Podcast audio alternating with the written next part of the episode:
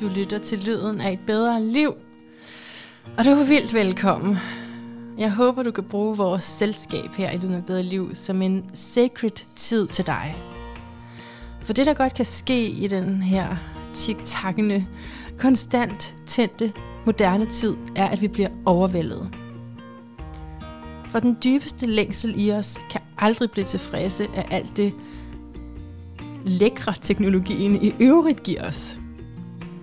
Og når vi ser på et samfund med øget psykologisk lidelse, så må vi overveje, hvordan den dybeste længsel i os kan finde hellige steder, finde forløsning i en kontakt til livet selv.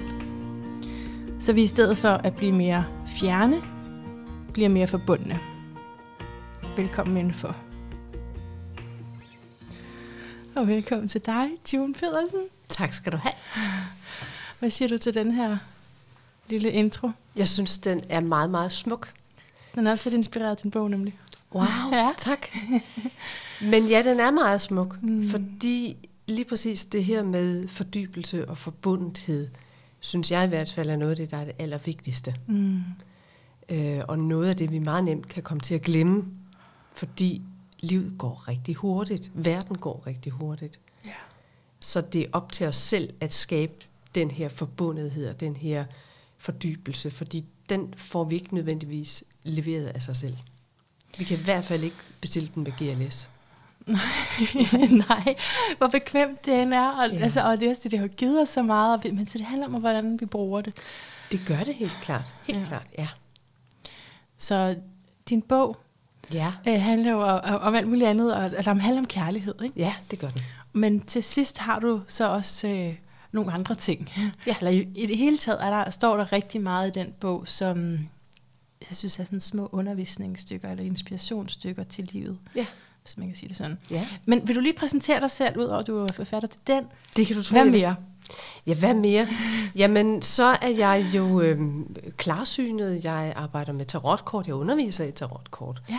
Øhm, jeg bruger også astrologien. Jeg selv at uddanne mig til astrolog også. Nå, nå. Ja. Hvilken slags astrologi? Øhm, esoterisk astrologi Esoterisk, ja, inde ved ja, Claus Holberg. ja, Ja. ja, ja. Og derudover så er jeg jo, måske er jeg mest af alt kanal. Uden at, det, og det er ellers ikke et ord, jeg egentlig bryder mig om at bruge så meget, fordi det kan komme til at stå i vejen for alt muligt. Mm. Men, men måske er det det, jeg er. Mm.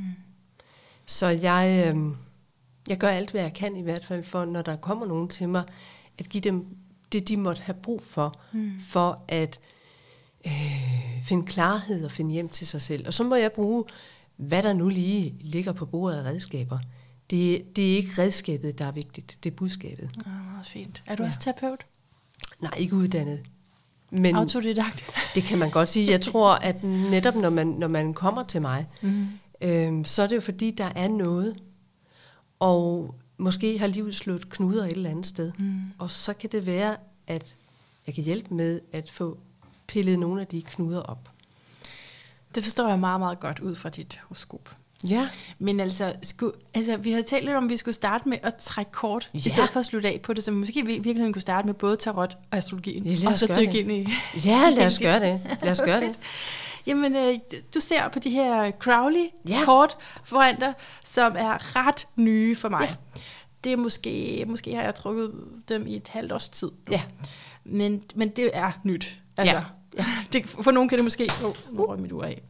Det var meget godt, ikke? Ja, det er godt, slip for fordi... tiden. Ja, præcis. Lille tegn.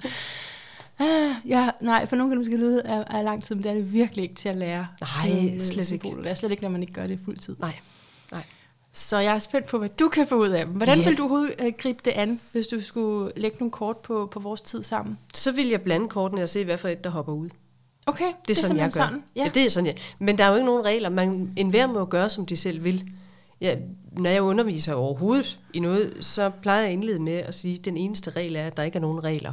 ja, dejligt. Så man må gøre, som man selv finder korrekt. Ja. Og for okay. mig er det, der har det vist sig i hvert fald, at det letteste er, hvis jeg bare blander, og så hopper der et ud, og så er det der, vi starter. Og der er ikke nogen intention først? Øh, lige nu er intentionen jo i hvert fald, hvad skal vi tale om? Ja, så Hvilken- der, ja. det er godt med en kontekst eller en ramme. Ja, det synes jeg. Ja. Men der er jo altid en kontekst, for der er jo altid noget, man gerne vil vide. Ja. Man blander ikke bare, for, fordi man ikke vil vide noget. Nej.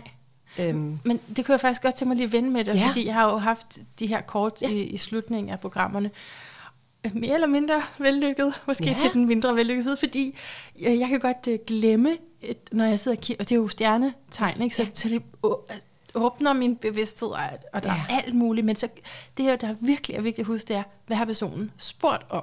ja, præcis. Fordi øh, ellers så, men fisk, jamen det er alt. Ja, så, netop. netop. øh, så, så spørgsmålet bliver faktisk ret vigtigt der, har jeg opdaget. Det, ja, det gør det. Altså, øhm, og kortene svarer jo lige så seriøst, som vi spørger. Ja, Ja.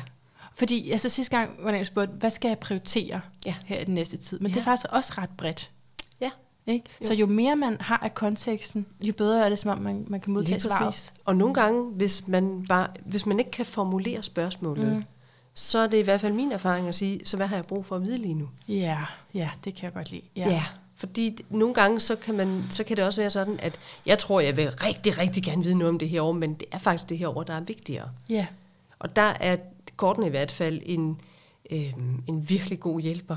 Mm. At det er horoskopet også, og det er det også, at, at øh, overhovedet at tale med et andet menneske. Mm. Fordi at når man ser noget udefra, er det lettere at sige, jamen prøv at høre, jeg kan godt høre, at det fylder meget, men skulle du ikke lige... Ja, så det er jo det her med nogle gange at få et lidt større syn på tingene. ja, bestemt. Ja. Ja.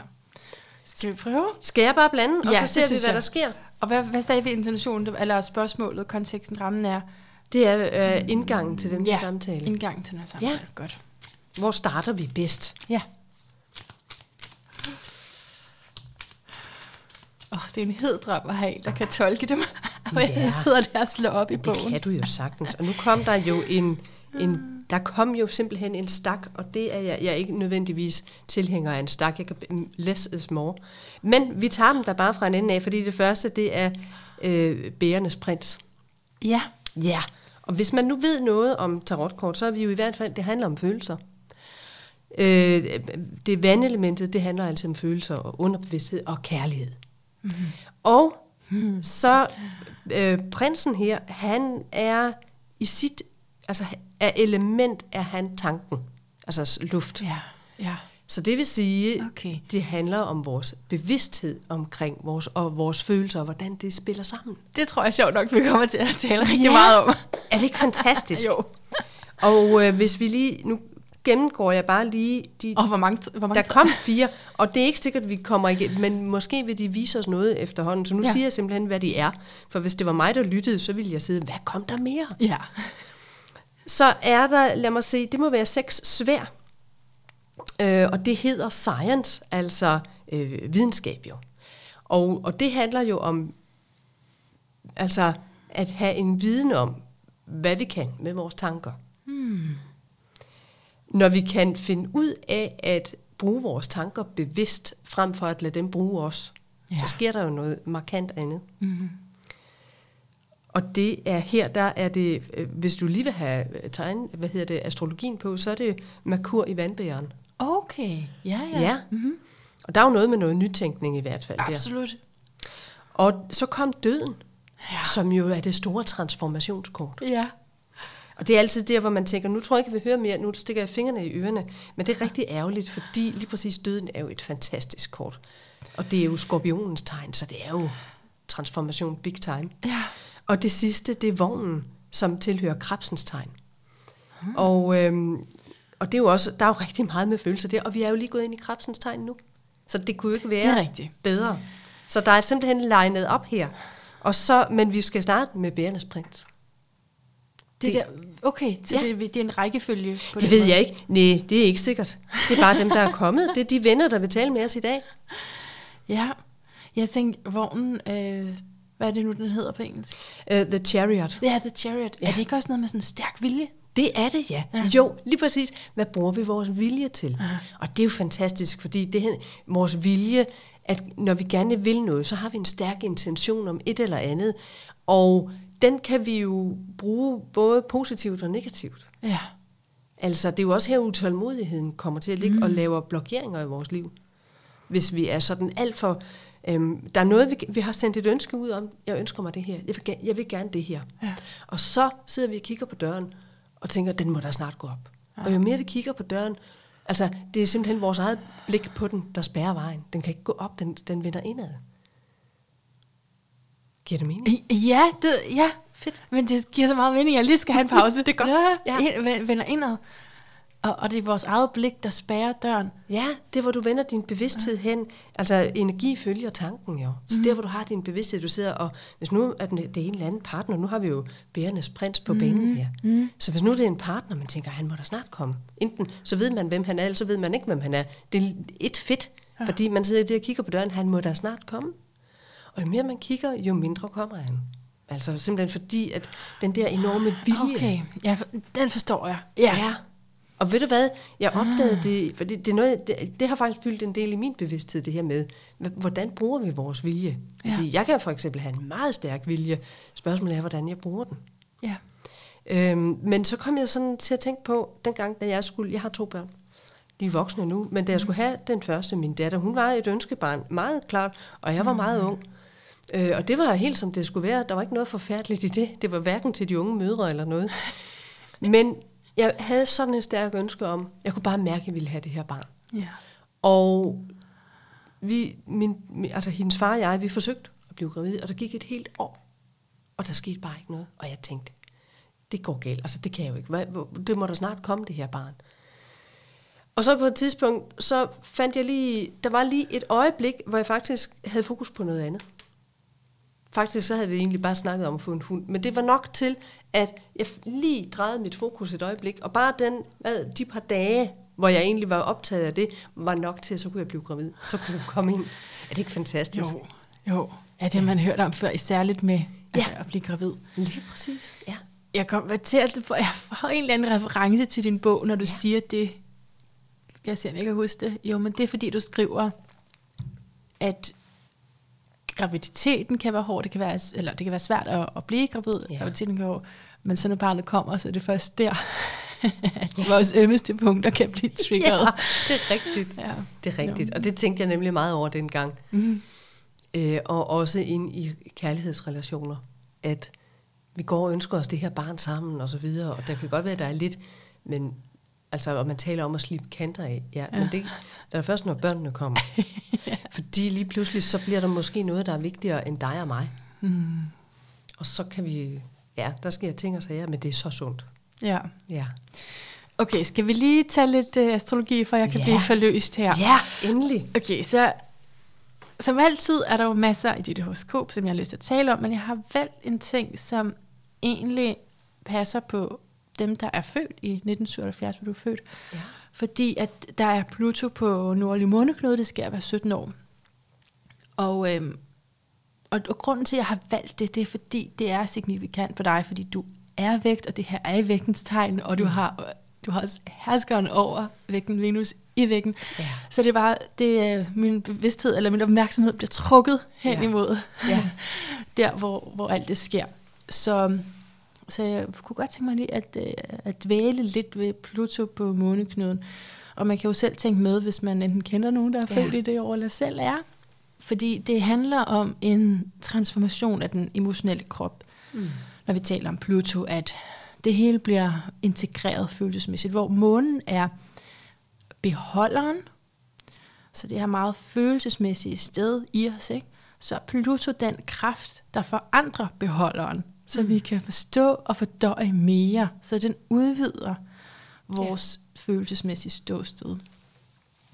Og når Pluto så er her på nordlig måneknude, som øh, jo langt hen ad vejen repræsenterer vores højeste potentiale, så påvirker det den emotionelle krop, og for at komme derhen, hvor at vi kan blive rigtig stærke følelsesmæssigt, så vil der være, det vil trigge situationer, som gør, at du kommer til at kigge indad. Ja. Simpelthen.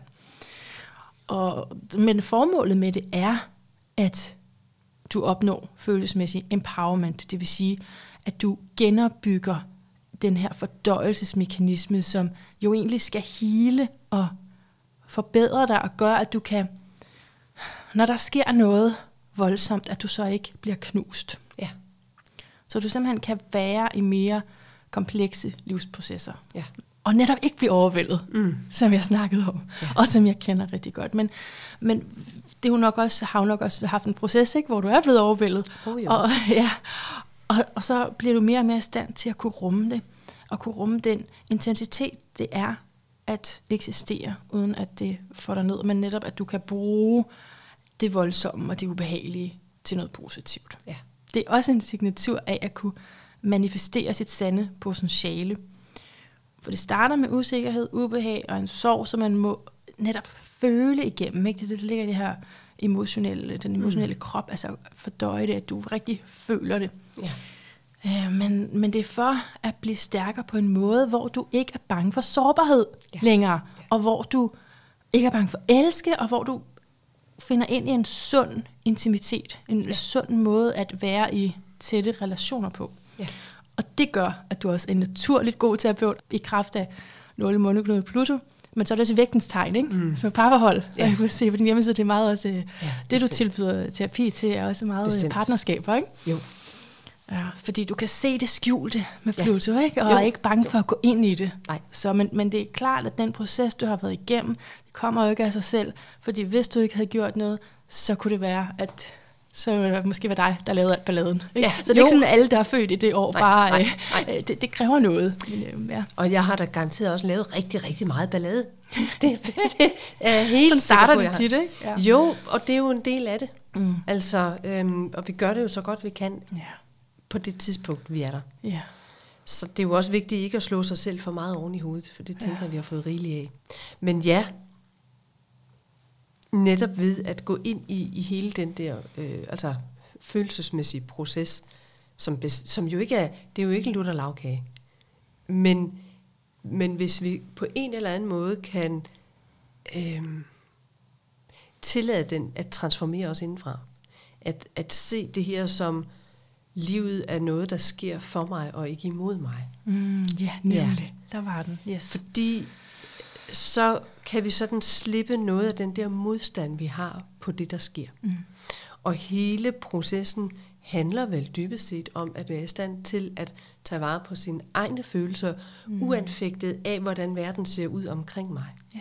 At kunne blive i sin egen alignment. Mm. Fordi når vi kan det, så er jeg ikke længere afhængig af, at du skal gøre alt muligt for, at jeg er glad. Jeg behøver ikke at lave dig om. Jeg behøver ikke at vride armen om på dig. Jeg kan faktisk mm. lade dig være, som du er. Mm. Og så er der jo kun kærligheden tilbage. Mm. Og det, tænker jeg, er et øh, meget godt mål at have. Det er mit største mål. Ja, det er mit præcis. største mål i livet, det er altså, blive mindre påvirket af, når, hvad der sker Ja, i det ydre. præcis. Hvad de andre synes. Og, og Ja. ja. ja, ydre hændelser i virkeligheden. Sådan så når det sker, føl det, og så bare blive centreret i mig selv. Det er Ja, mit mål. Frem Jamen lige præcis. Måske ja. starte med at slippe modstanden på det, der sker. ja. Fordi, øhm, fordi det er jo modstanden i virkeligheden, der gør ondt. Mm. Og verden omkring os, altså i de her år, forandrer den sig helt vildt. Altså, vi kan enten kigge på vores privatliv, eller vi kan kigge på den store scene. Der Ja. sker alverdens ting og sager, som man Ja. kan blive ked af og forskrækket over og Ja. føle sig magtesløs overfor. Mm. Men som jeg ser det, altså jeg, jeg er faktisk ret god til at rimelig meget distancere mig fra det.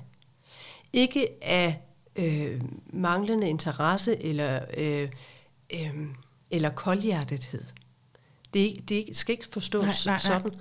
Men den energi, jeg kommer, altså tilbyder verden, er den energi, jeg har inde i mig. Ja. Så jeg bidrager ikke positivt ved at blive bange og forskrækket Nej. og føle mig magtesløs. Altså det kan jeg jo godt blive, men så kan jeg slukke for fjernsynet. Fordi jeg, hvis jeg ikke kan gøre noget ved det, jeg kan ikke gøre noget ved, hvad, hvad Putin gør i Ukraine, mm. eller jeg kan ikke gøre noget ved alt muligt andet. Mm. Jeg kan tage mig af, du ved, min egen have, mine roser i haven, Ja. det arbejde, jeg har, jeg kan fodre katten, og sørge for at holde min egen balance så godt jeg kan. Ja. Fordi så er det det, jeg mm, sender ud, og så er det det, jeg bidrager med. Mm. Og, og øhm, det må være det bedste, jeg kan gøre. Jeg tænker også, det er en kvalitet af, måske noget af det, du nævnte med kortene der, og i vægten, Ja. altså luftelementet, ja. Så selvfølgelig, som du siger, man kan også bruge det til at dissociere helt og Ja. blive øh, vært. Men den Ja. gode udfoldelse af, af luften er jo netop altså at kunne have, holde en sund afstand, så man kan tænke klart. Ja, netop. Og det er jo også det, der gør, at når nogen kommer til mig med, med nogle gange dybt følelsesmæssig smerte, Ja. at jeg ikke øhm, bliver overvældet af deres smerte, ja. men er i stand til at kunne være i det, Ja. helt ind i det med dem, og, og stadigvæk kunne se klart, fordi det er jo vores emotioner, vores følelser, der gør, når vi ikke kan se klart. Fuldstændig. Altså, Ja. ja. Og så vil vi gøre et eller andet. Øh, jeg må gøre noget, og jeg er jo, øh, hvis, man, hvis man netop kigger på mit horoskop, så har jeg en Mars til min sol, så jeg vil altid gerne gøre alt muligt. Og det er jeg også helt vildt god til. Men jeg har jo måttet lære hen ad vejen. Det er ikke altid den klogeste udgave at gøre noget. Mm. Og det man jo så kan gøre, det er at spørge sig selv, den her handling lige nu har lyst til, hvad er den inspireret af? Mm. Hvor kommer den fra? For vi skal jo heller ikke sidde apatiske. Det handler om at finde den der balance i det. Ja. Ja.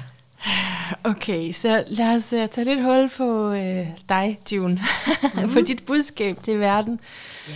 Udover det, du allerede har sagt her. Altså, du har skrevet breve til min elskede, Ja. Hedder bogen. Ja. Og, og består primært af de her breve, men som nævnt også til sidst nogle andre ting. Jeg Ja. ved ikke, hvad du kalder det segment til sidst. Det ved jeg heller Nej, ikke. Nej, det ved jeg heller ikke. efterskrifter måske. Ja, det kan man sige. Ja. Det kan man sige. Det er egentlig ikke det, der er det væsentlige. Det væsentlige er faktisk brevene. Okay. Men jeg havde noget på hjertet også, men, men det var helt klart brevene, der var det vigtigste. Men jeg tror også, jeg stod og tænkte, det kan man, man kan jo ikke bare udgive det her. Altså, Der skal lige lidt øh, ja, det synes jeg, og jeg havde også noget ja. ja. på hjertet, som jeg gerne ville dele ud af. Ja. Men, men brevene er helt klart det væsentligste. Ja, hvad, fortæl om den proces. Hvordan kom du ud på tanken med at Ja, skrive det, var dem? godt, og- det er et virkelig godt spørgsmål. Men det, og der kan man netop tale om det her med at være kanal for et eller andet. Okay. Fordi det var, øhm, det var meget inspireret. Og jeg havde en enorm længsel efter netop at møde kærligheden og en partner. Eller Ja. kærligheden i form af en partner. Ja. Ligesom alle andre. Og så havde jeg sådan en, en følelse af, at, at det var vigtigt, at jeg skrev det her. Måske som en måde at øhm, få tændt for masten, altså få tændt for signalet. Men, men det var jeg egentlig ikke så specielt klar over, hvorfor. Jeg kunne bare mærke, at det skulle ske. Altså det var øh, en intuitiv følelse af, at det er jeg nødt til at gøre. Havde du været single længe for inden? Ja, det okay. havde, ja jo, det Du havde havde jeg. været gift, du har børn. Ja, og, så, og, og det er jo hvad tilbage i 12, det hvor alle blev skilt, og ja. Ja. der skete alverdens ting, og så, Ja. ja. ja, så blev jeg også skilt. ja, godt. Øhm, og det var godt.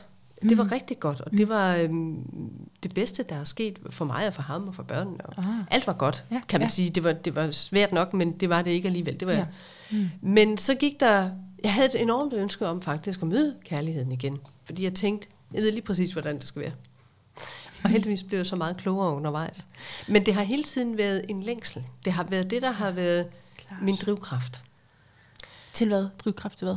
Alt, havde jeg sagt. Altså fordi lige pludselig... At have et kærlighedsforhold? Jamen, fordi på det tidspunkt var jeg ikke specielt øhm, inde i noget alternativt, Aha. eller den åndelige verden. Mm-hmm. Eller ja, det, det var jeg, men det, det troede jeg ikke, jeg var. Nej. Det var ikke noget, jeg var bevidst om. Mm. Men den har jo ligget i mig hele tiden, og så har jeg bare brugt det på min egen måde. Altså, da jeg var teenager, så, så brugte jeg bare spilkort til, at, og så brugte jeg dem til at spå med og sådan noget. Nå, bare for mig okay. selv. Det vidste jeg, jeg vidste ikke, det var en ting. Det var Nej, bare okay. noget, jeg gjorde jo. Nå, sjovt. Øhm, men da jeg så blev skilt der, og der var den her enorme længsel efter, der måtte være noget, der, altså jeg, må- det måtte kunne gøres bedre. Ja. Og det blev min, min vej ind i det her, fordi jeg søgte jo svar. Mm, Den her partner, hvornår kommer han?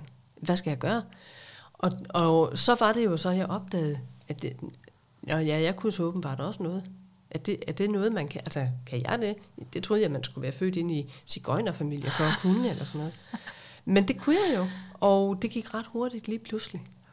Øhm, så det har været en meget væsentlig ting i min udviklingsvej, og jeg mødte jo også masser undervejs. Altså gode mænd og kærlige mænd og øh, mærkelige mænd og alt muligt.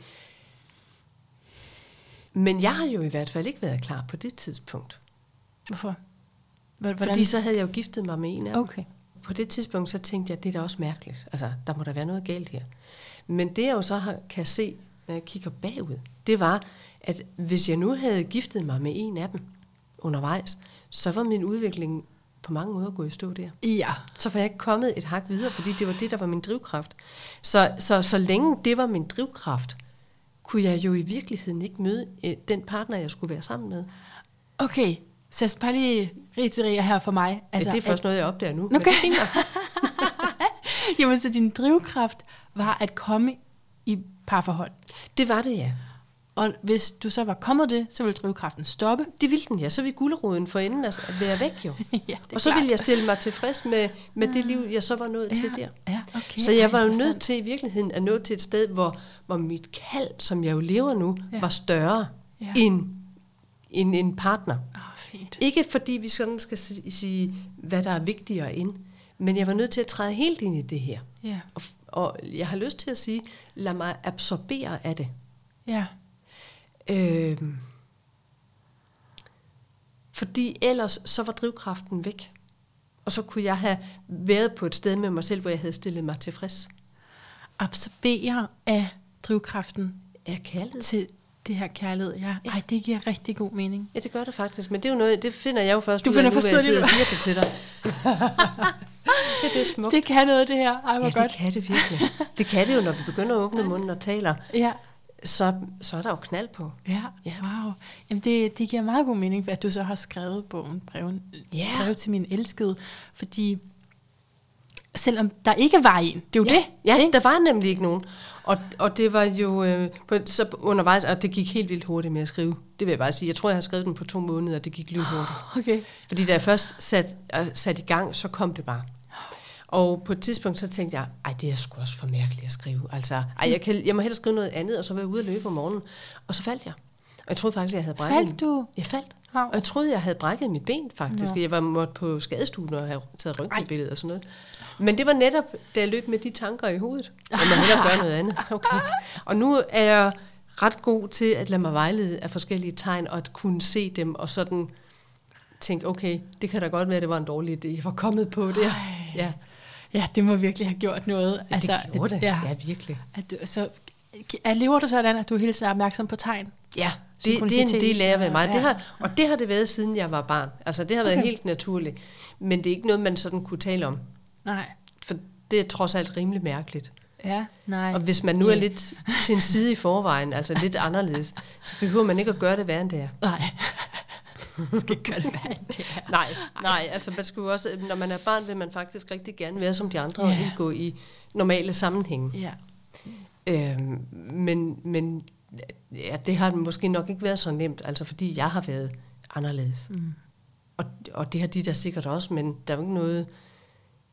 Men derfor så tænkte jeg, nej, det, det var ikke noget, jeg talte om sådan. Nej, nej. Nej.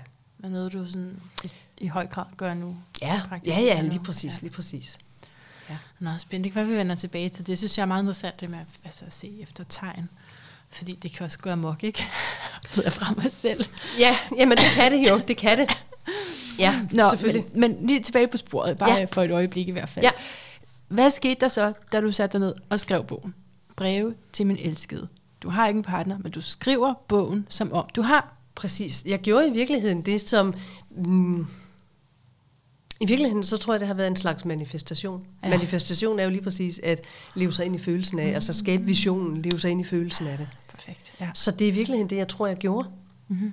Altså skrev mig ind i fremtiden på den måde.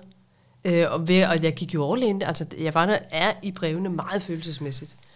Øhm, og, og også meget nøgternt. Altså, det er ikke, synes jeg selv, sovset ind i en hel masse mm, pladerballe. Altså, det, jeg, det bliver, jeg er stadigvæk meget, meget glad for, at har skrevet lige præcis det. Mm. Ja.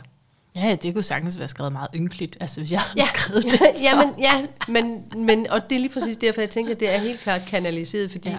der, er ikke, der er i hvert fald ikke noget, øh, June, der nogle gange kan have ondt af sig selv blandet Nej. ind i det. Nej, Og det er, det er jeg glad for. men der er for eksempel noget sådan, vil, vil du være, eller jeg kan ikke huske, hvordan du skriver det vel, men noget med, hvor du beder øh, den, din elskede om at bære dig igennem livet, og Ja. du ikke kan selv mere. Ja, præcis, lige præcis. Og det er jo faktisk lige, når man sidder i sin egen offerrolle. Mm. Nogle gange. Så, og så vil man faktisk bare gerne bæres.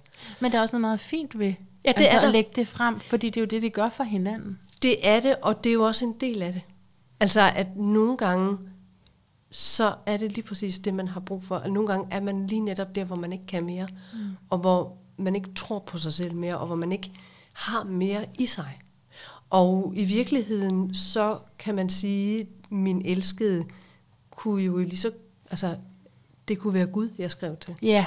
Eller min egen sjæl. Det tænkte jeg godt på. Ja, ja altså, og man, jeg kan ikke sige, om det er det ene eller det andet. Mm.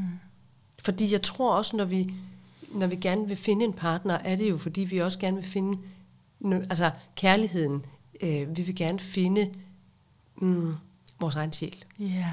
Og vi tror, vi skal finde den i andre mennesker. Men den Men er jo inde i. Det vil jeg meget gerne tale med dig om. Altså, ja. fordi, ja. Hmm, fordi ja, sådan ved vi godt, at det bagvedliggende er, at det egentlig er for at komme ind til en dybere forbindelse til os selv, ja. eller for selv at blive mere opfyldt, eller... Mm, altså man finder ikke lykken i den anden. Vi ved godt, at det, det er, hvad den anden gør ved mig. Ja. ja. ligesom. Men ja. alligevel har vi brug for det. De fleste bliver ved med at kredse om det her parforhold. Selvfølgelig, som, og det er heldigvis, fordi jeg tror også, det er noget af det allervigtigste. Mm. Ikke at vi nødvendigvis skal, øh, du ved, vi skal ikke nødvendigvis gifte os, og så er det også for altid, uanset hvordan vi har det. Altså, fordi meget af, af tiden i kærlighedsrelationer kan nemt blive brugt på bare at holde øje med, at den anden ikke går. Altså, det er det, der bliver ja. issue, ikke også? Jo. Og, og det er der jo ikke noget kærlighed i. Og jeg tror, at lige præcis vores kærlighedsrelationer er jo også der, hvor vi bliver spejlet allermest. Det er ligesom, hvis du nogensinde har set sådan en politiaktion, hvor de leder efter øh, narkotika i biler, og så har de sådan nogle spejle, de kan øh, sende ind under bilen, der, så de lige kan kigge i alle de der skjulte rum. Mm-hmm. Og det er jo det, en partner kan. Altså det er jo der, vi bliver spejlet. Og det er hæsligt. Men helt vildt vigtigt, fordi det er jo også der, vi har nogle ting, vi har brug for at få forløst. Så det, at den anden ikke danser efter vores pibe, kan jo være det bedste, der nogensinde er sket for os. Men er det så et ultimativt brud med ideen om et lykkeligt parforhold? Nej, nej fordi det er jo lige præcis der. Det når lyder vi ikke netop, så behageligt jo. Det er det jo heller ikke, og man behøver jo ikke at have levet ret meget mere end 20 år, før man opdager, at det der med kærlighed kan godt nok være svært nogle gange. Mm, ja. men, men det er jo lige præcis der, at netop når vi får, øh, det er jo sådan en katarsis. Mm. Vi får renset ud i nogle gamle følelsesmæssige tilstande. Det er Pluto for fuld udblæsning. Ja. Der og der og der har du noget. Ja, okay. Og når vi er fri for det, så er vi jo vidderligt i stand til at leve det gode parforhold. Aha, så det handler om at komme over det samme. Ja, eller, eller i hvert fald... Mm, at vide, når du gør mig ked af det, mm. øhm, så er det i virkeligheden ikke altså, det handler ikke om dig, det handler om mig. At ja. du kan trikke nogle ting i mig, jeg ikke bryder mig om. Right. Min, min forladthed, min håbløshed, min, jeg duer ikke til noget, alt det her. Ja. Men lige præcis ved at få øje på det og blive bevidst om det, har jeg mulighed for, at hvis jeg bare kan trække vejret i det, mens det nu sker, for følelsen er jo ligesom forløst, så slipper den lidt ligesom sådan nogle bobler, der stiger op ned fra bunden af en mose, og det lugter ikke specielt godt. Men, men derefter er det jo forløst. Ja. Så hvordan var det for dig at skrive den? Og, hvad skete? Altså, jeg var også nysgerrig på et kærlighedsliv, June. Hvad ja. skete der så? Ja, så skete der jo det. Jeg udgav den i efteråret 19. Mm. Og så gik der, og det er jo meget imponeret af, jeg elsker når noget med ni måneder sker ah. for os mennesker. Fordi ja. det, og den er jeg ikke færdig med at tænke over. Jeg kan bare ah, se, at der er et gevaldigt mønster i det. Men der gik faktisk noget, der ligner ni måneder. Så mødte jeg øh, min partner. Nå, ni måneder efter den var udkommet? Ja, okay, okay, sådan okay, cirka, plus ja, minus. Ja, ja, okay. Altså, så, så nøje regner er jeg ikke, men det er omkring i hvert fald. Ja, ja. Og jeg var slet ikke i tvivl om, at det her var noget helt særligt. Hvad jeg ikke vidste, var, at der begyndte min rejse først for alvor. Ja, okay. der er ligesom graviditeten, ja. Lige præcis. Ja, fuldstændig. Der blev barnet født. Ja. Og så var det, jeg stod med kolik og alt muligt, havde jeg nær sagt. Ja. Altså, ja. øhm, der kom døden ind i billedet, mm. som jo den store transformator. Mm-hmm. Og det er Pluto for fuld udblæsning. Øhm, og det har været virkelig udfordrende. Og nu sad jeg netop lige øhm, i forbindelse med, at vi to skulle tale sammen, Og så sad jeg lige og kiggede lidt i bogen, og så tænkte jeg, gud, det er alt det her, jeg har været op til eksamen i hele vejen igennem. Jesus. Ej, ja, for det, der taler ja. du også om øh, et møde med døden. og Altså i, Det har det absolut været, ja. Mm. Helt klart. Og han er et af de bedste mennesker i hele verden. Er han? Ja, helt afgjort. Goddammit, så er han taget. Men, men samtidig også det menneske i hele verden, der kunne udfordre mig allermest. Ja. Som kunne... Øh, min Mars-ting, det er, jeg vil altid mm. gerne gøre noget, og lad mig tage styringen. Nu skal jeg lige, nu skal jeg ordne det her. Kom, så skal vi videre. Det fungerer bare ikke her. Hmm. Og det er måske noget af det sværeste i hele verden, som jeg har måttet øh, transformere. Sådan en meget dyb eller Ja. ja. indøvet side af dig. Jamen, det er jo min, kan man sige, min natur. Ja. Det er min natur at, at rejse mig op og gøre noget. Og jeg er også jeg elsker at være aktiv. Mm. Altså, og øh, vi må rejse os op og gøre noget, og vi må i gang. Og jeg elsker at være i gang. Mm. Altså, øh, så det ikke at kunne det, har været det sværeste i hele verden. Hvad, hvad kunne han gøre, som forhindrer dig i at være i gang? Det skal han vel ikke bestemme. Nej, nej, nej, men ikke så meget det. Men det jeg skriver kunne du ikke, også selv i din bog. Ja. Man skal ikke bare Nej. Nej. lægge sig under hinanden. Nej, det skal man heller ikke. Men jeg kunne ikke gøre noget, og kan ikke gøre noget, for at få tingene til at gå hurtigere i relationen. Ah, okay. Lige præcis. Det tog sin tid. Ja. Ja. Og det, lige præcis det har jo okay. Været min største læreproces, blandt andet. Mm-hmm. Der er jo stor, stor kærlighed i det, ellers kunne det ikke lade sig gøre. De her, når man møder et menneske, som virkelig har betydning for en, og, og hvor man skal igennem de her processer, og jeg har formentlig trikket lige så meget i ham, det vil jeg da tro, det vil jeg da håbe, jeg har sagt. så er der nødt til at være meget stor kærlighed til stede, for ellers var man jo smuttet for længe siden. Så havde man sagt, ja, du kan rende mig. Ja. Men når der er stor kærlighed til stede, så, så, så kan man ikke nødvendigvis bare flytte sig og sige, du er ikke væk. Fordi at hjertet har åbnet sig. Processen er sat i gang. Fødslen er jo gået i gang. Mm. Så kan man, altså, og når man ligger der, så kan man ikke sige, det tror jeg faktisk ikke, jeg vil alligevel. Men du har selv bedt om det, darling. Ja, Så, det prøvede jeg, da jeg fødte. ja. Og det gik ikke godt. Nej, det kunne man ikke. nej. Ej, jamen det, ej, det synes jeg er meget... Øh, mm, Mm-hmm. det er dejligt æggende at, altså, at se parforholdet som en fødsel. Ja. Men, men det var slet ikke det, jeg troede, jeg skulle. Nej, hvad Jeg troede tro- du, du skulle? Jeg troede, at uh, living happily efter, ever after, Ja, det var da min plan. ja. Øhm, fordi jeg synes, der var jeg der noget til. Det var jeg da formentlig også. Men så havde jeg jo på en eller anden måde været stokt der. Ja. Altså, så, så nu er der gået et par år siden, vi mødte hinanden. Og jeg vil sige, jeg har udviklet mig virkelig meget også i mit, mit virke, mit kald. Har udviklet sig helt vildt meget. ja, så måske lige referere tilbage til den drivkraft der. Hvad Præcis, skete der med den præcis. så? Jamen, man kan jo sige, at drivkraften undervejs, det kan jeg jo se, når nu vi sidder her, så flyttede den sig faktisk fra de, nu var han der jo, og, og det gik langsomt. Og det var øh, svært og alt muligt. Så det, jeg fik mulighed for, det var faktisk at flytte drivkraften fra ham og fra kærlighedsforholdet over til mit kald. Mm. Okay, Ja, ja. så alt det, og også med en bevidsthed om alt, hvad jeg gik igennem, selvom det var svært, og jeg synes, det var øh, tungt og, og uretfærdigt og alt muligt, så havde jeg samtidig også en bevidsthed om, at der er jo en mening med det. Og det har jo reddet mig mange gange, vil jeg sige. Altså altid at have en tillid til, at der er mening med det. Mm. Det, der sker, det er der en mening med, også selvom jeg ikke nødvendigvis kan se den, også selvom at, at jeg står og stamper i gulvet og siger, men jeg vil have det her. Men det kan du ikke få, mm-hmm. før du er der. Jeg har jo også nogle ord fra din blogindlæg. Ja. Og der har du en sætning, der hedder, livet viser os, hvad vi tror om os selv. Ja. Som jeg synes går igen i det, du Mm. skriver. Så det, du ja. fortæller der, har jo også været en forandring af, hvad du troede om dig selv. Lige præcis, ja. Lige præcis, Men- fordi det, er der jo, det vi tror om os selv, er jo bestemmende for vores valg og for vores handlinger. Så hvis jeg inderst inde tror, at, øh, at jeg er sådan en, der altid bliver forladt, ja. så vil jeg jo gøre alt, hvad jeg kan for ikke at blive det. Og det ender altid med, at så bliver jeg det. Fordi det er der i virkeligheden ingen, der kan holde ud. Den der, øh, hvis man kryber, Mm. eller hvis man øhm, lægger sig under, eller hvad der nu hører med til, til det mønster. Og så vil det være det resultat, jeg kommer frem til om og om igen. Fordi man tror, at det så skaber det en vis adfærd, og så bliver det ulideligt for andre.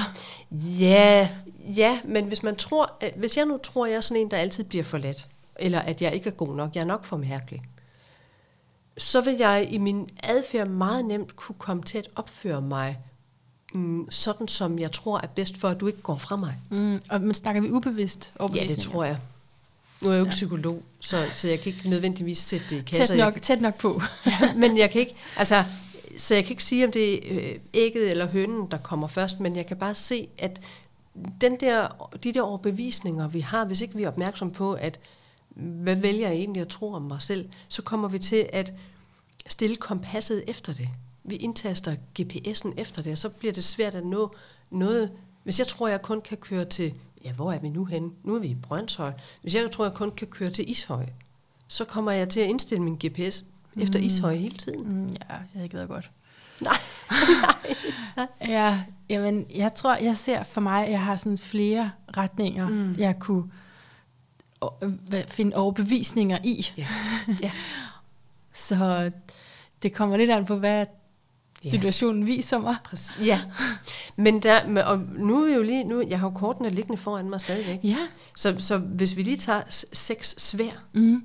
som er klarheden, og som er bevidstheden om, at mine tanker skaber, så jeg kan vælge at skabe et nyt billede, og simpelthen øve mig i at, at navigere efter det. Og, og der har vi vognen med inde også, som, som jo er den her vilje og manifestationskraft. Så hvis jeg nu skaber en ny vision, øh, øh, øh Prince of Cups her, øh, bærernes prins, er jo også ham, der skaber visioner. Han er den, han er den visionære, han er romantikeren, poeten, drømmeren. Mm. Så han er jo i stand til at skabe øh, en vision, skabe et billede, et nyt billede. At skabe verden i mit eget billede. Mm og derefter bruge min bevidsthed, sværende her, til at sætte kursen efter det. Ja, så frem for at lade igen de ydre bestemme. Ja, præcis. så allerede har sat kursen. Som også noget, du taler om, at vi har et valg, og vi selv skaber vores, ja, vores liv. Hvordan, hvor har du egentlig den viden fra? Er det ren erfaring? Det er erfaring, og det er um, hver eneste gang, jeg stil, altså, hjælper mennesker og lukker op for kanalen, så er det det, der går, altså det er den besked, der, der om og om igen kommer igennem. Okay. Ja. Og, og det at, be, øhm, nu skal jeg lige tænke mig om, over mm. i Amerika, så havde de slaver engang. Og der var der en kvinde, og det er en lang historie med hende, der faktisk lavet en, jeg kan ikke huske, hvad hun hedder, Harriet, tror jeg, som, hun var også slave, men øhm, slap fri eller blev frigivet, det kan jeg ikke huske, men det hun gjorde efterfølgende, det var, at hun hjalp andre slaver med at flygte. Mm. Og det gjorde hun simpelthen, fordi hun drømte, hun fik visioner i sin drømme om, hvilken vej hun skulle føre dem.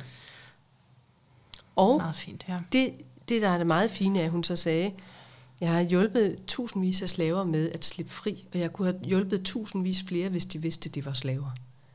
Åh. Oh. Ja, lige præcis. Og det er jo det, hvor vi er slaver af vores egen bevidsthed. Vi tror, ja, det er jo det, jeg kan. Og det her, det er grænsen. Ja, lige netop. Og så kommer vi til at leve efter den. Ja. Og jeg tænker på dit horoskop, kender du det? Ja, jeg var ja. bare sidder og tænker i symboler. Hvad, hvad? Lad mig høre. Nej, men jeg tænker på dit sjette hus, som også kunne lægges til slaver. Altså ja. sådan set, ikke? Og, jo. og på et højere plan jo, at man har en mentor, indtil man selv ligesom bliver. Men der ligger det der med, at man kan komme til at være den underordnede. Ja, præcis. Indtil man finder ud af, at det behøver man ikke. Netop. Og måske det i virkeligheden også, nu, kan jeg, nu har jeg jo sagt det her med at lade mig absorbere af kaldet. Yeah. Måske det er lige præcis også det sjette hus. Ja, det er det, jeg har gjort ja, der, ikke ja, også? Ja, ja, helt klart. Øh, fordi det handler ikke om mig. Det mm. handler ikke om mennesket, June, mm. men om kaldet. Ja, Altså, ja, dit arbejde og dit, dit budskab, det, ja, det er det her, du gør for andre. Ja, lige præcis. Og det er det, der er mm, en del af formålet med, med min tilværelse mm. i virkeligheden. Fordi jeg kunne jo jeg kunne tjene mine penge andre steder. Jeg kunne være tilfreds andre steder. Mm. Øhm, så ja, det, det må være en del af det. Hvornår fik du den erkendelse, at det, der var et særligt kald, og noget, som du skulle leve af, som ikke bare kunne være alt muligt andet, men det skal lige være den her tjeneste?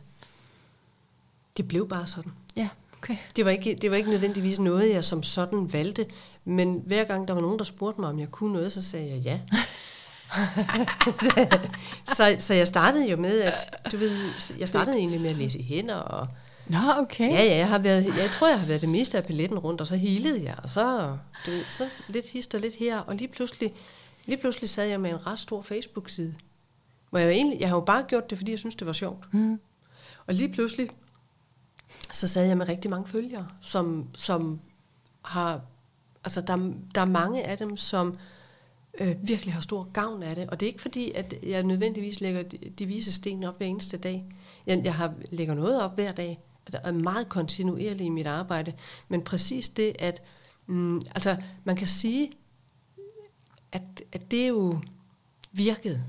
Det er jo kaldet, der er der, der har taget, altså sit, eget- det har sit eget liv. Ja, ja. Og jeg er på den måde hende, der tjener det. Jeg er hende, der er ansat til at gøre det. Mm-hmm. Men det handler ikke om mennesket, June. Altså, det er ikke, det er ikke øh, June fra ballen, der, øh, der skal ses og høres og have opmærksomhed. Mm. Det er i hvert fald ikke formålet med Nej, det. jeg kan godt se det. Jeg kan godt se det. Ja. Og alligevel så hjælper det, at, eller så, det er klart, du er nødt til at gå vejen for at kunne hjælpe andre på Ja. den her måde, men det Ja. hjælper også, at der er sådan et eksempel der. Mm. Hvis man nu sidder og godt også kunne tænke Ja, sig et romantisk præcis. parforhold, at du Ja. så har nogle levede erfaringer i forhold til det. Præcis. Jo, lige præcis. Fordi det er jo nemt nok, hvis man nu siger, at altså, der er jo det her med at møde den rigtige. Det er jo også sådan nu, altså noget af det, som er lidt... Øh, øh, det er der mange illusioner omkring. Ja. Så, fordi hvad betyder det? Ja. Betyder det at møde en, der altid stryger mig med hårene, og aldrig siger, at jeg er forkert, eller du ved, altid gør, som jeg siger? Det, det er der ikke nogen, der for alvor kan holde ud alligevel. Nej. Øhm, mm, og måske handler det også nogle gange om at træffe et valg om, at den, man er med, er den rigtige. At gøre vedkommende til den rigtige. Okay, okay. Altså, øh, Ah. fordi måske er der tusindvis, der kunne være den rigtige. Ja, tror du det? Det tror jeg. Mm. Der er mange, der spørger mig med astrologien. Ja. Findes der kun én, ikke? Det tror jeg ikke. Nej, det men tror det, jeg heller ikke, Men fordi... det er bekvemt at tro på, fordi så kan man hele tiden sidde og sige, du er ikke væk. Nej, der må komme en, der er bedre. Nej, det du er desværre. Nej, der må komme en, det er ikke den rigtige. Fordi måske er det sådan, at hvis nogen på en eller anden måde spejler noget i mig, jeg ikke er så specielt begejstret mm. for, så kan jeg jo bare sige, nej, det er jo heller ikke den rigtige. Mm. Måske er det ligesom, at, når man skal ud og spise, at så er der mange restauranter at vælge imellem, men på et tidspunkt må man vælge en. Mm. Og så går man ind, og så skal man jo ikke sidde og tænke på, hvad du kunne have fået alle de andre steder. Det Så er er det, så er det her, vi er. Ja. Ja. Og alligevel skal der vel være noget, der drager en, så man, så man det. føler, man er det allerbedste Ja. sted.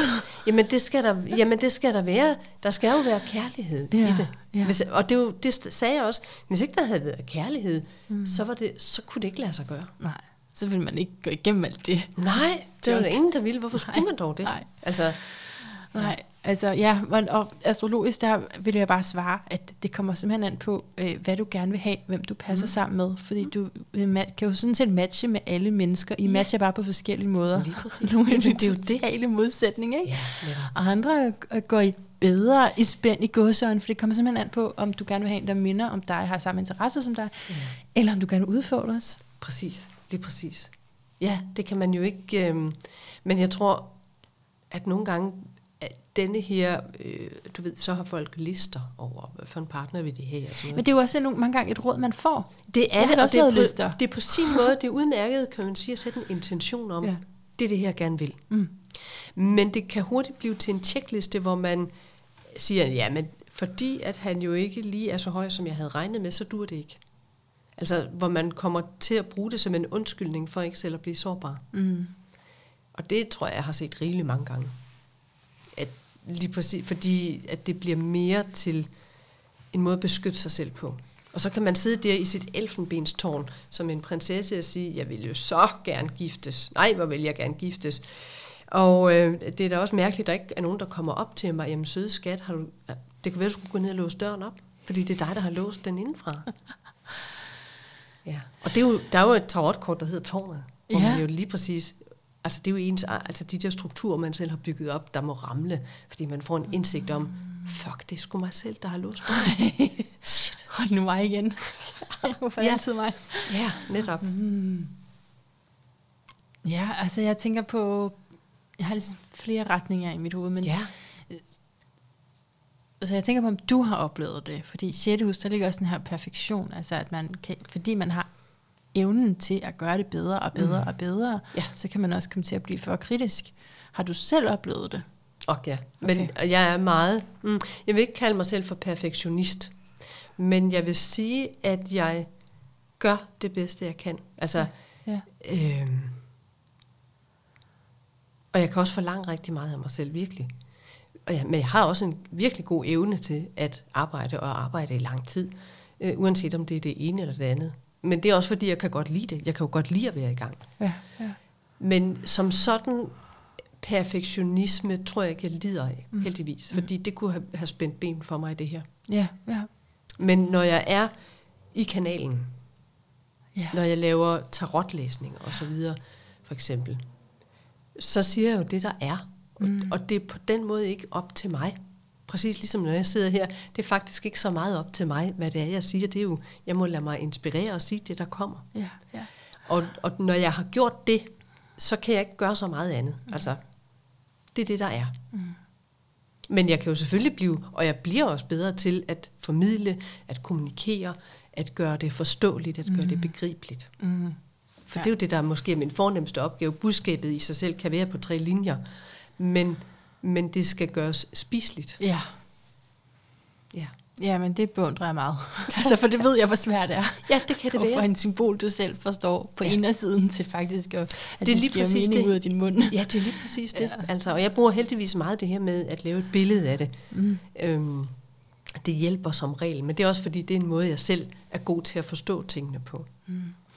Okay, men så du kender den proces, hvor at du har været for kritisk over for mænd, og hvad mm. de kunne tilbyde et par, ja. partnerskab, og, og nu er din visdom så, hey, Ja.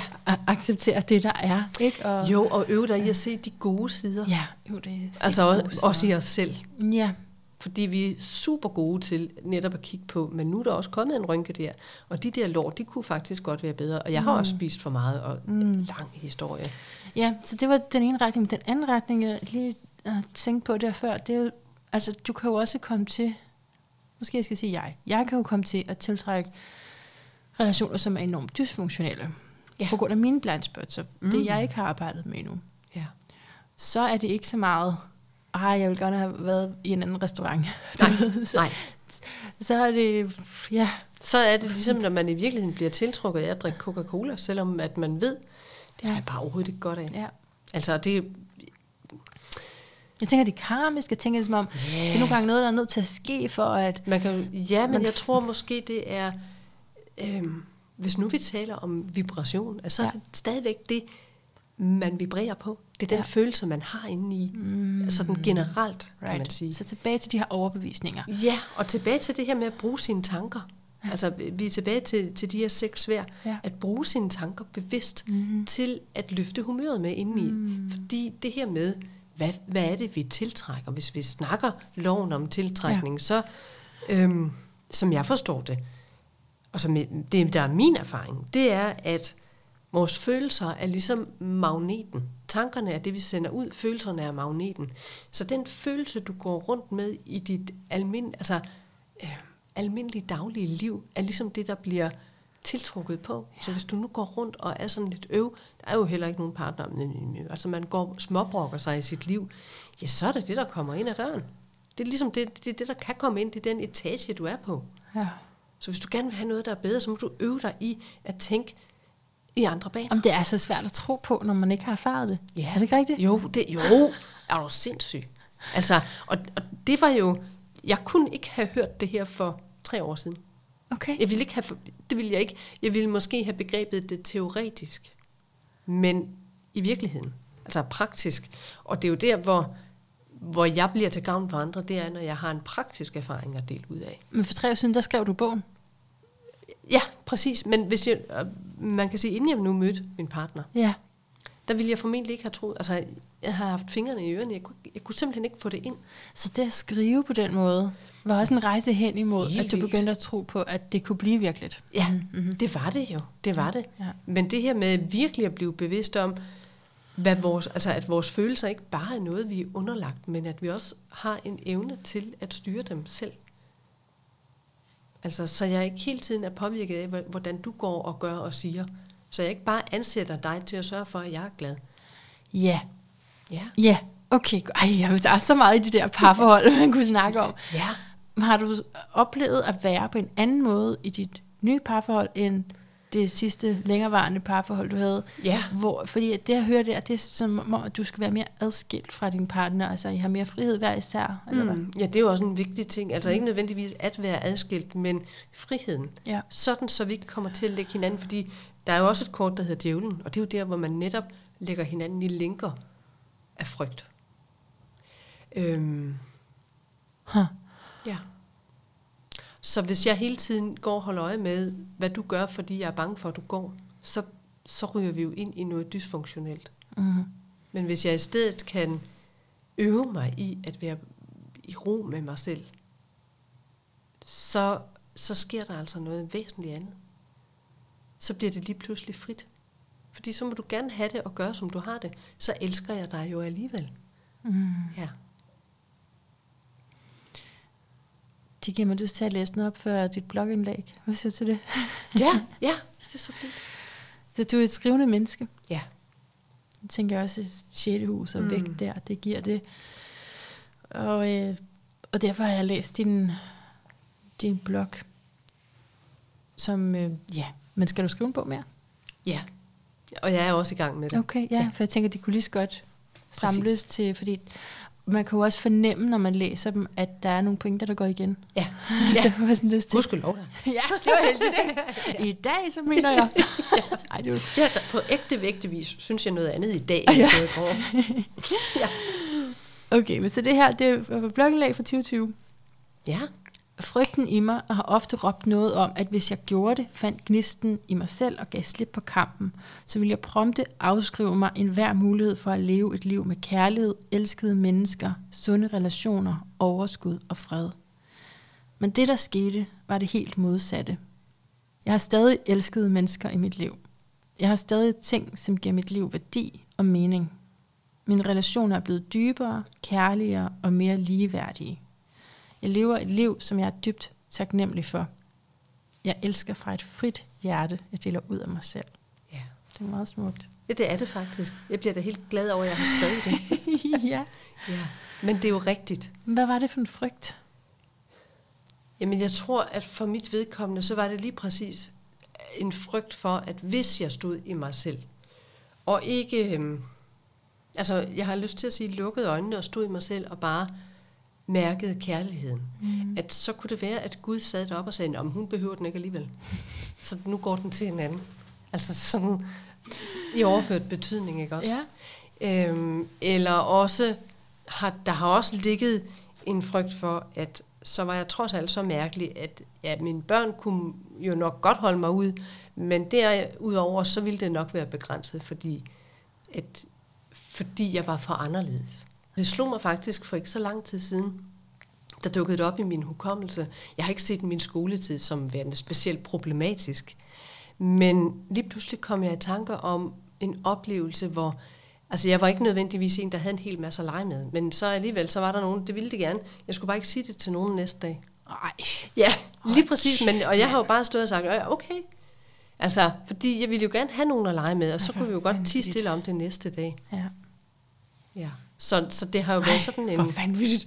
Ja, det er det jo i grunden. Jeg blev helt sur. Ja, Og ja. ja. ikke, det skal ikke så meget til, men, øh, men lige sådan noget der, det der er det simpelthen så uretfærdigt. Men, ja, det er det. Det er uretfærdigt. Ja. Men jeg er ikke sikker på, at... Øh, det er ikke noget, jeg har tænkt over i mange år, men pludselig Nej. dukkede det op i min Ja, hukommelse. ja. Som Gud, en af ja. grundene til, at det kunne lavre sig som en Ja. naturlighed dig, Ja. at skjule dig. Ja, præcis. At, at øhm, du ved, holde skørterne inde, ja. så de ikke flagrer for langt ud. Mm. Fordi at så kan man komme til at stå helt alene. Så det er jo også en rejse med, med dig ja. selv. Det ja. har været en proces med dig selv, Ja. der har ført hen til det her partnerskab. Jeg mener, at drivkraften har været mod partnerskabet, men Ja. du har også skulle altså bare alene gøre nogle ting. Jo, helt klart. Helt mm. klart. Fordi det her er jo man- mit virke, har jeg jo øh, bygget op selv. Det har virkelig været en, Ja. en... Der har jo ikke været nogen, der har hjulpet mig med det. Øh, heldigvis. Fordi det, det, det kan man jo ikke. Altså, det, det er nødt til at være mig, der gør det. Ja. Og at have gjort det ud af interesse, og fordi jeg ikke kunne lade være, er vel den fornemmeste måde at gøre det på. Absolut. Ja. Det sidste, jeg godt kunne tænke mig at tale med dig om, det er din idé om, at det sorte hul er en illusion. Ja, Ja, det synes jeg lyder rigtig spændende. det gør det da også. I, er du overrasket over din egen formulering? Ja, nogle gange er jeg. Ja, du sk- jeg kan give dig nogle flere hints, Ja. du skriver, vi kan sagtens gå på alverdens selvudviklingskurser, læse stakkevis af bøger om at sige nej, om at tiltrække den rette partner, Ja, nu ved jeg om det. at blive den bedste udgave af selv. Men hvis vi ikke tør at gøre noget andet, end det vi plejer, når det kommer til stykket, så er det en stor illusion, vi Ja. bygger vores liv på. Præcis. Lige præcis. Fordi det skal jo have, det skal jo omsættes til praksis. Ja. Og det her, den der frygt, som jeg beskrev tidligere om, at hvis jeg gør det her, hvis jeg bare er mig, så, så, så er der ikke nogen, der vil have mig agtig, eller så går Ja. det i stykker, er jo, er jo det, der er det sorte hul. Og ved at træde ind i midten af det og sige, men so be it, Mm. så opdager jeg, at lyset bliver tændt. Og at der aldrig var et sort hul inde i mig. Okay, så det er det, der er illusionen, at der ikke Ja. er et sort hul inde i mig. Præcis. Det er bare et sted, hvor jeg har glemt at tænde lyset. Og jeg kan kun tænde lyset ved at gå derind på egen hånd. Men sort hul er det også det, man kan ryge ned i. Ja, det er det jo, men det er jo netop, når vi tror, at Ah, vi ikke, altså at der ikke er et, et øh, mm, eksistentielt lys i mig. ja. Så det er egentlig samme illusion. Ja. Ja. Ah. Så det ene er bare, at jeg tror, det er inde i mig, det andet er, når der så kommer et eller andet udefra, og jeg tilter, Ja. og så rører jeg ned i det, som ligger automatisk til mig. Lige præcis, lige præcis. Men hvis du sidder dernede på bunden og tør være der og tænder lyset, så var det jo ikke mørkt. Hvad er der så? Så er der lys, og så er der kærlighed. Og så er det jo der, kilden til kærlighed kommer fra. Altså det er ligesom sådan en, en fontæne, altså der, der, der springer egentlig sådan en stærk fontæne dernede fra, men der er, du ved, øh, der hvor vandet skal komme ud, der er der, øhm, der er hår i resten, og der er mudder, og der er alt muligt. Så det kan ikke rigtig få lov til at springe, og så tror vi, det er tørlagt og tomt. Og nogen må jo komme og fylde det her op for mig. Men når vi så sidder dernede, så har vi faktisk muligheden for at sparke lidt til det der, øh, den der dyse, og så springer den med, med vand og med kærlighed. Hmm. Jeg tænker på, om det kan stå i sammenhæng med den dybeste længsel, som jeg taler om. Ja.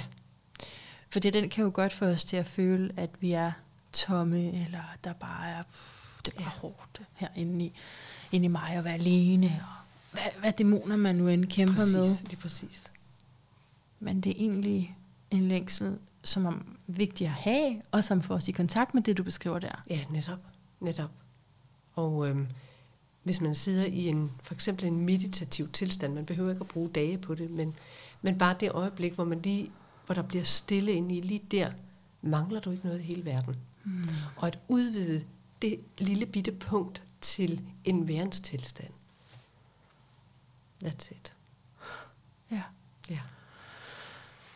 Og det lever du og som en god Så godt jeg vægt. kan. Ikke? Jamen, prøv at høre.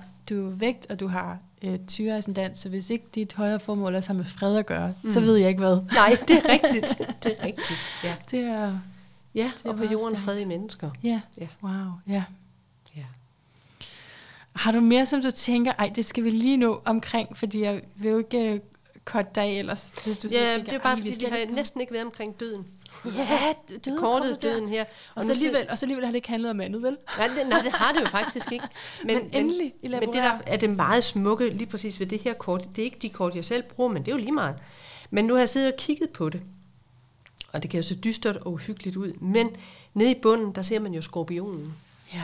Og oppe i toppen, der ser man ørnen, som jo er det, transformationsrejsen går ud på, netop ja. i skorpionens tegn. Ja, Øhm, for ørne overblikket. Lige netop, ja. Lige præcis. Og det, der er meget sjovt, det er, at min datter, hun er faktisk født i skorpionen. Og da hun så var lille, hun har måske været 10 år, så havde hun en veninde, der også var skorpion.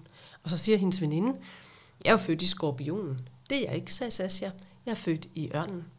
Og det var, jeg vidste ikke noget om det. Overhovedet. Men hun vidste det. Ej, hvor fint. det ja, det er da stort, ikke? Og det er jo, ørnen er jo lige præcis den, Åh, den der fint. flyver tættest på, på, mm. på himlen, på solen. Mm. Ja. Så det er jo det, når vi tør gå ind i de der transformerende processer, så er det en, den største transformation. Mm. Ja. Hvad siger det der dødskortet der ellers? Når man trækker det, og du starter også med at sige, at altså ikke noget, man lige skal blive forskrækket for. Ja. Men, men hvad Jamen. har det ofte, når du, altså det, er også, det er et ret stort kort, vi trækker på Mega. den her. Men Ja, det er det bare. Det er selvfølgelig også en vild samtale, vi har. Ja, det, ja, det er det. Jamen, men det fortæller jo også noget om at komme ind til... Altså, man er nødt til at skære alt det væk, som ikke er din sande Ja. ja. essens. Så det er derfor, vi ser skelettet. Så det er jo helt inde i DNA'en. Men alt det, der er udenpå, alt det, kan man sige, overflødige fedt, det må du af med, fordi Mm. mm. du, kan ikke, du kan ikke tage det med dig. Fordi så kan du ikke blive den, du i virkeligheden er. Det er jo, Mm. det er jo transformationsprocessen, der handler om at blive den, du i virkeligheden er. Ja. Ikke den, du tror, du er, men den, du ægte er. Mm, ja. Ja. Så, så det, er et, øh, det er et fantastisk kort. Det er et dejligt kort for, faktisk. Ja, Ja, det mere er det. er det autentiske. Ja, Det, vil vi gerne have. Det er det jo lige Ja. præcis. Altså om noget af det, der er autentisk. Ja. Ja, men, men det er også sådan et, hvor man tænker, men jeg kunne også bare have fået et af bærekortene. Jeg kunne bare have fået tre bære, var det da ikke hyggeligere? Men, mm, men det er et meget nødvendigt kort. Det er et nødvendigt kort i livet. Ja. Du siger, du har ikke Crowleys uh, kort. Hvad har du så for nogen? Nu bare lige sådan Jeg tarot. bruger, altså, jo, jeg- har et par af dem hjemme også, Okay. men dem, jeg bruger i mit arbejde, de hedder faktisk Tarot of the Spirit, og er Okay. okay. øh, amerikanske. Okay. Øhm, og de er det, man kalder esoteriske. Ja, de er ja, meget, meget ja, smukke. ja. Øhm, og jeg elsker smukke ting, jo. Ja, det er det. Ja. Så, øh, og jeg kender ikke andre, der bruger dem, men jeg kender til gengæld hende, der har lavet dem. Og hende har jeg ofte været i kontakt med at få guidance af og sådan noget. Okay. Så det er, og, Nå, og fint. dem fandt jeg ret hurtigt, da Ja. jeg begyndte. Altså jeg sad og kiggede på nettet, og jeg havde et sæt tarotkort, og det var også fint. Og så tænkte jeg, nu kunne jeg godt tænke mig nogle nye, og så kiggede jeg bare på nettet, og så så jeg dem, og så var det virkelig kærlighed ved første blik. Ej, hvor godt. Ja, det er det. Og det er det også, altså, som om det er en, en del af et særligt kald på den måde. Ja. Jeg har ikke haft samme proces med, med tarot, tror jeg. Nej. Men, men altså, der kom jo på et tidspunkt, hvor jeg vidste, nu er jeg nødt til at lære noget om det. Mm. Altså, så Mhm. det har der trods alt været frem for bare at have det som en af de mange ting i periferien. Så jeg ja. Har da trods alt trådt derind. Men jeg startede med nogle andre, de der mere klassiske Ja. Rider Waite. Ja, men de er også skønne. Og, og så lige til. Ja, Ja. og så øh, fik jeg et råd af nogle kvinder fra Tarot og Hot podcasten, om Ja. at jeg skulle prøve at gå ind i dem der. Ja. Og det har jo altså så krævet en hel del læsning, fordi det er nogle andre billeder. Ja, det og er det navne bare. også nogle gange. Ja, Så det er ja, det er det forvirrende. virkelig. Det er det. Ja. Ja. Men, øhm, men jeg ser dem jo som, altså hver eneste kort af sin egen bevidsthed. Mm. Altså, jeg, jeg anser dem som venner. Man kan sige, at det, det er åndelige bevidstheder, der kommer igennem med det her budskab. Det er sådan, jeg ser dem. Okay. Altså entiteter, som... Ja, altså Fysisk ikke, eksisterer. ikke, du ved, det er ikke øhm, øh, en eller anden afdød fra, Nej. fra langt bort i stand, der så kommer igennem, men, Nej. men, men bevidstheder. Okay, altså, okay. Som måske kan være, altså er det store hav, Mm. hvor, hvor man ikke kan sige, den, skille den ene dråbe fra den anden, men Men hvad så, når jeg ikke kan forstå dem, når jeg og skal træffe et valg, ikke? Og så kommer der bare sådan nogle... Pff, ej, det svarer overhovedet ikke. I hvert fald ikke, når jeg har læst teksten, så var det svarer overhovedet ikke på det, jeg stod i. nej, lige præcis. Hvad vil den bevidsthed mig så? Ja, måske er det, fordi du udmærket godt ved, hvad du skal. Ej, nå, okay. Nej, det tror jeg ikke, det er. Nej, men bare sådan, det er irriterende, ikke? Jo Nå. mega irriterende. øh, men, men man kan jo godt nogle gange sige, kan jeg bede om en uddybning? Ja, Altså, og hvor mange må man så trække det over eller under 12? Ja, under. Altså less is more. Jeg trækker aldrig. Jeg trækker er helst ikke mere end 4-5 kort højst. Men, og hvis det bare er til mig selv, et eller to er alt rigeligt. Det bliver nemlig meget stort. Ja, og så forsvinder budskabet. Ja. Altså hvis du, hvis du nu gerne vil tage, altså du vil gerne have et budskab. Ja. Det er lettere at forstå, at der kommer en person ind ad døren. Ja, Altså hvis du nogensinde har hørt børn stå og snakke i munden på hinanden, så det forsvinder helt. ja. Øh, og de kan jo have det samme budskab alle sammen, men man kan slet ikke høre noget som helst. Nej, nej. Og, og de har så meget dybde hver eneste af dem, så det er ikke nødvendigt. Mm-hmm. Men, men der er jeg jo sådan lidt kunstig. Altså, Er du kunstig? Ja, det er, det er sådan lidt øhm, konservativ, tror jeg. At høre nu efter, hvad det er, der bliver sagt. Ja. Fordi det er også tit, fordi man ikke vil høre, hvad der bliver sagt. Ja. Det kender jeg da udmærket godt, og på et tidspunkt måtte jeg virkelig tage en beslutning, hvad angår mig selv, om at det kort, der kommer, er rigtigt. Altså det er nemt nok, når jeg trækker for, læser for andre, men når det er til mig selv, Ja. ja. det tror jeg ikke er rent. Ja, det ja, ikke ja, passe. nej, det er nemlig Så der måtte jeg tage et valg om, enten er alle kort rigtige, eller også er ingen kort rigtige. Det, mm-hmm. det er sådan en lovmæssighed. Det er sådan, det er. Vil du anbefale til os, som er nye i det, at bare trække et kort? Ja. Okay, et kort.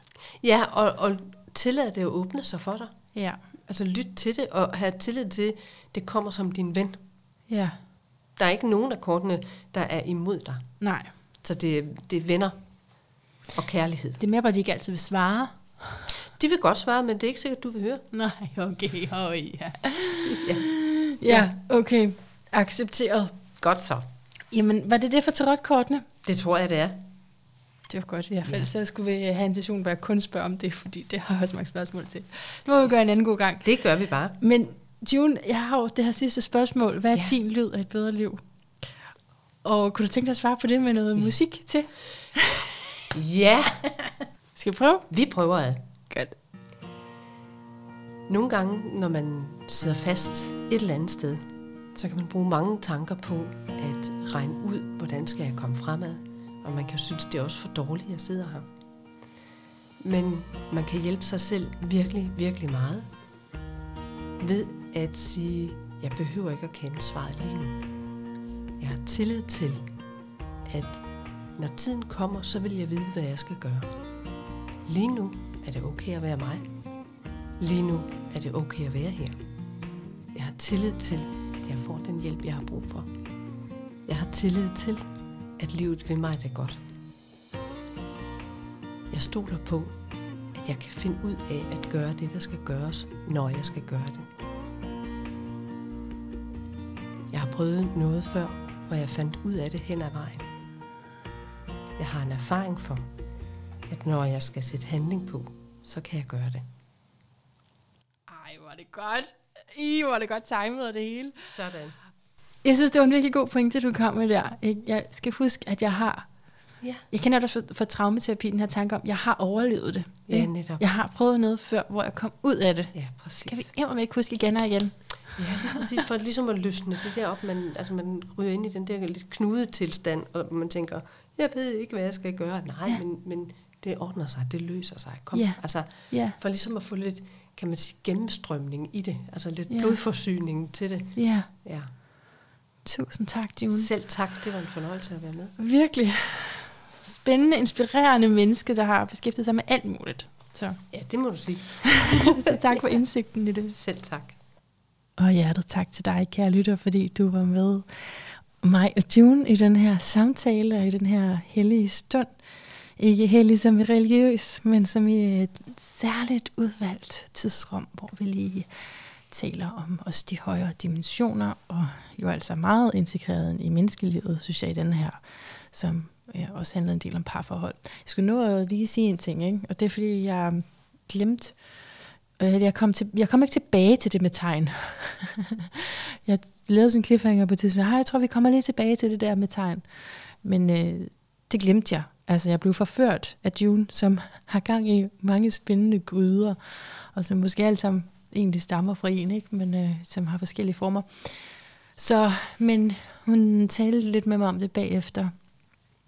Og det er ikke, fordi jeg skal gengive det hele, men bare kort sagt, så det med, at hun læser tegn, er fordi hun kan dekode stort set alt, så som en græsplæne, eller sådan andre mærkelige eksempler, hvor, okay, det tænker man ikke lige, at der skulle være noget i, men så kan hun dekode det, afkode det på den måde, at der ligger et symbolsk billede i det. Og øh, det, det synes jeg lyder dejligt. Jeg elsker symbolik, jeg elsker tydning, så det var dejligt at møde en, der er så begavet og beriget ud i det. Ellers så vil jeg jo bare øh, sige, at vi høres ved. Jeg kunne, godt, jeg kunne faktisk godt tænke mig lige at knytte en kommentar til min intro der. Fordi det var inspirerende at læse i Junes bog, men de kommer også fra et fuldstændig ægte sted i mig selv. For jeg kan mærke, at jeg ikke har godt af, at jamen, det er ikke engang bare det med at være på hele tiden. Der er simpelthen noget i den moderne livsstil. Ej, det var en kæmpe skuffelse, ikke? Og så kommer sådan en ung menneske, og det var meningen, hun skulle føre også ind i fremtiden, og så trækker hun os tilbage i stedet for. Jeg kan simpelthen mærke sådan et behov for uh, tilbagetrækning, og, og, og ikke, jeg har brug for alene og lukke alt ned, men okay, lad mig give dig et lidt sjovt eksempel. Ikke? I nogle måneder, ja, det har i hvert fald været flere måneder, fordi jeg har godt set, at min telefon, sådan, når vi er omkring den 16. i måneden, så når jeg går udenfor, så når jeg ikke er hjemme, så øh, kan jeg ikke gå på internettet. Og jeg har jo godt konstateret for mig selv, at jeg heller lige må få tjekket på det der abonnement, fordi der kan, ikke have, der kan ikke være fri data på, som jeg egentlig troede. Jeg ved faktisk ikke hvorfor, fordi det, det er kun lige sådan kommet. Det kan være, at telefonen er et tegn, jeg ved det ikke. Men, og jeg har, så, så rent praktisk er det ikke noget, jeg har fået undersøgt, det slet ikke det, det handler om. Det handler om, at jeg har over en halv måned, ej okay, 16, det kan man for mange dage der, men i hvert fald en halv måned der, ikke? hvor jeg ikke, når jeg er ude, så jeg kan ikke øh, gøre de samme ting jo. Og det er pigerne, det er sweet, det er, mm, lad os lige se, hvad det her kan. Ej, det, og generelt så kan jeg bare godt lide nye ting. Altså jeg kan bare godt lide, når, når der kommer noget nyt. Jeg kan ikke lide smerte, vel? det vil sige at være menneske, jeg kan ikke lide smerte. Men øh, jeg, jeg forelsker mig i det nye jeg ved ikke, jeg er ikke engang tvilling, men altså, det gør jeg, og det nye her er jo, at jeg ikke kan købe på nettet. Så jeg er nødt til at downloade de podcast, jeg gerne vil høre, så det kræver lidt forberedelse. Det kan jeg også godt lide. Ikke? Så det er bare selve det, at der er noget nyt, min hjerne skal nu. Okay, nu gør vi det her, i stedet for bare same old. Det tænder altså mig. Så jeg downloader podcast, hvis jeg skal udenfor. Og hvad så med GPS'en? Spørger du nok, hvis du kender mig. Fordi dem, der kender mig, de ved, at jeg sætter GPS på til, hvor end jeg skal hen, uanset om det er samme rute, jeg skal til hver dag. Fordi jeg er så let kan. Det, altså, det sker bare, ikke? Nå, men det kan jeg jo så ikke de dage her, hvor jeg er uden data. Så tager jeg et billede af kortet og navigerer vej. Og der, det er som om, at der er noget i det der navigationssystem, der stadigvæk virker uden data. Så, det, så man kan godt komme ud af en knibe, hvis man er drejet forkert, synes jeg. Men det er da lidt nervepirrende. Altså ikke kun pirrende på en lækker måde, det er også lidt nervepirrende, det er også angstprovokerende. Fordi pludselig, og jeg kan jo ikke bare lige sådan slå op, ej, du skal, jeg skal lige google det her, hvornår har de åbent? Hvor ligger det? Altså alt det der, vi er vant til. Men så vant til det. Ej, nu tabte jeg ud igen. Hvad sker der? Tidens tegn. Oh, it's a sign of the times. Gotta get away from here. Jeg er også færdig om lidt, så får jeg lov at komme væk. Ja, men det korte eller lange er, at jeg synes, det er et mere interessant liv på den her måde. At blive udfordret lidt på, at jeg ikke hele tiden lige kan gøre noget med min telefon, men skal tænke anderledes. Og så er der jo den økonomiske gevinst ved det også, at nogle gange, når vi sådan skal prioritere vores budgetter, ikke, så er der ting, vi tænker, det er, det er en must have. Altså, og en af de ting kunne for eksempel være fri data. Hvis du er sådan en som mig, der er meget på nettet, så selvfølgelig bare fri data. Så det er slet ikke nogen diskussion om, hvis jeg skal spare, så er det i hvert fald ikke på fri data, jeg sparer. Vel? Og det koster jo ikke særlig meget i forvejen. Og sådan kan vi have sådan nogle klausuler. Det der, det, selvfølgelig, det er bare helt klart, det skal jeg bruge penge på. Men når man så ikke har det, når man så står i en situation, hvor det ikke er der, så er det også noget, der kan lade sig gøre. Så kan det også lykkes. Og så indretter man sit liv lidt på en anden måde, som måske er bedre. I hvert fald er bedre, fordi det giver noget afveksling og gør bare livet mere interessant. Så det var min lille umoderne pointe. Lad os gå tilbage i tiden en gang imellem og lige mærke, hvordan sådan nogle små benspænd også gør, at vi kan klare det, og måske endda, vi slet ikke behøver en smartphone. Ej, okay. Okay, nu bliver det, nu bliver det drastisk, hva'? Jeg siger bare, hvem ved, hvor længe alt det her teknologiske Nej, det siger jeg ikke, fordi det bliver nok ved. Det skal jeg ikke have sagt. De skal ikke have det på mig. Så tager de det her lydklippet og siger, at hun troede ikke på teknologien. Se nu, nu flyver vi rundt. Jeg ved overhovedet ikke, hvad der kommer til at ske. Men øh, vi bliver presset, ikke? Det er, det er kun en hjælp. Det er også en forhindring i forhold til at leve livet til det fulde. Det er det, jeg tror. Og lige bruge nogle andre dele af os selv, så det ikke bare, sådan bare bliver automatisk. Jeg gør bare det her med min tommelfinger. Hvad nu, hvis jeg kunne finde de informationer på en anden måde, hvis jeg kunne tage en anden vej hjem fra arbejde og far totalt vildt, og så var det bare fint. Nå, indtil vi har ved igen. Gentænk alt. Måske især kærligheden til dig selv, og måske især, hvordan kærligheden til dig selv hænger sammen med dine relationer til andre, særligt i partnerskaber.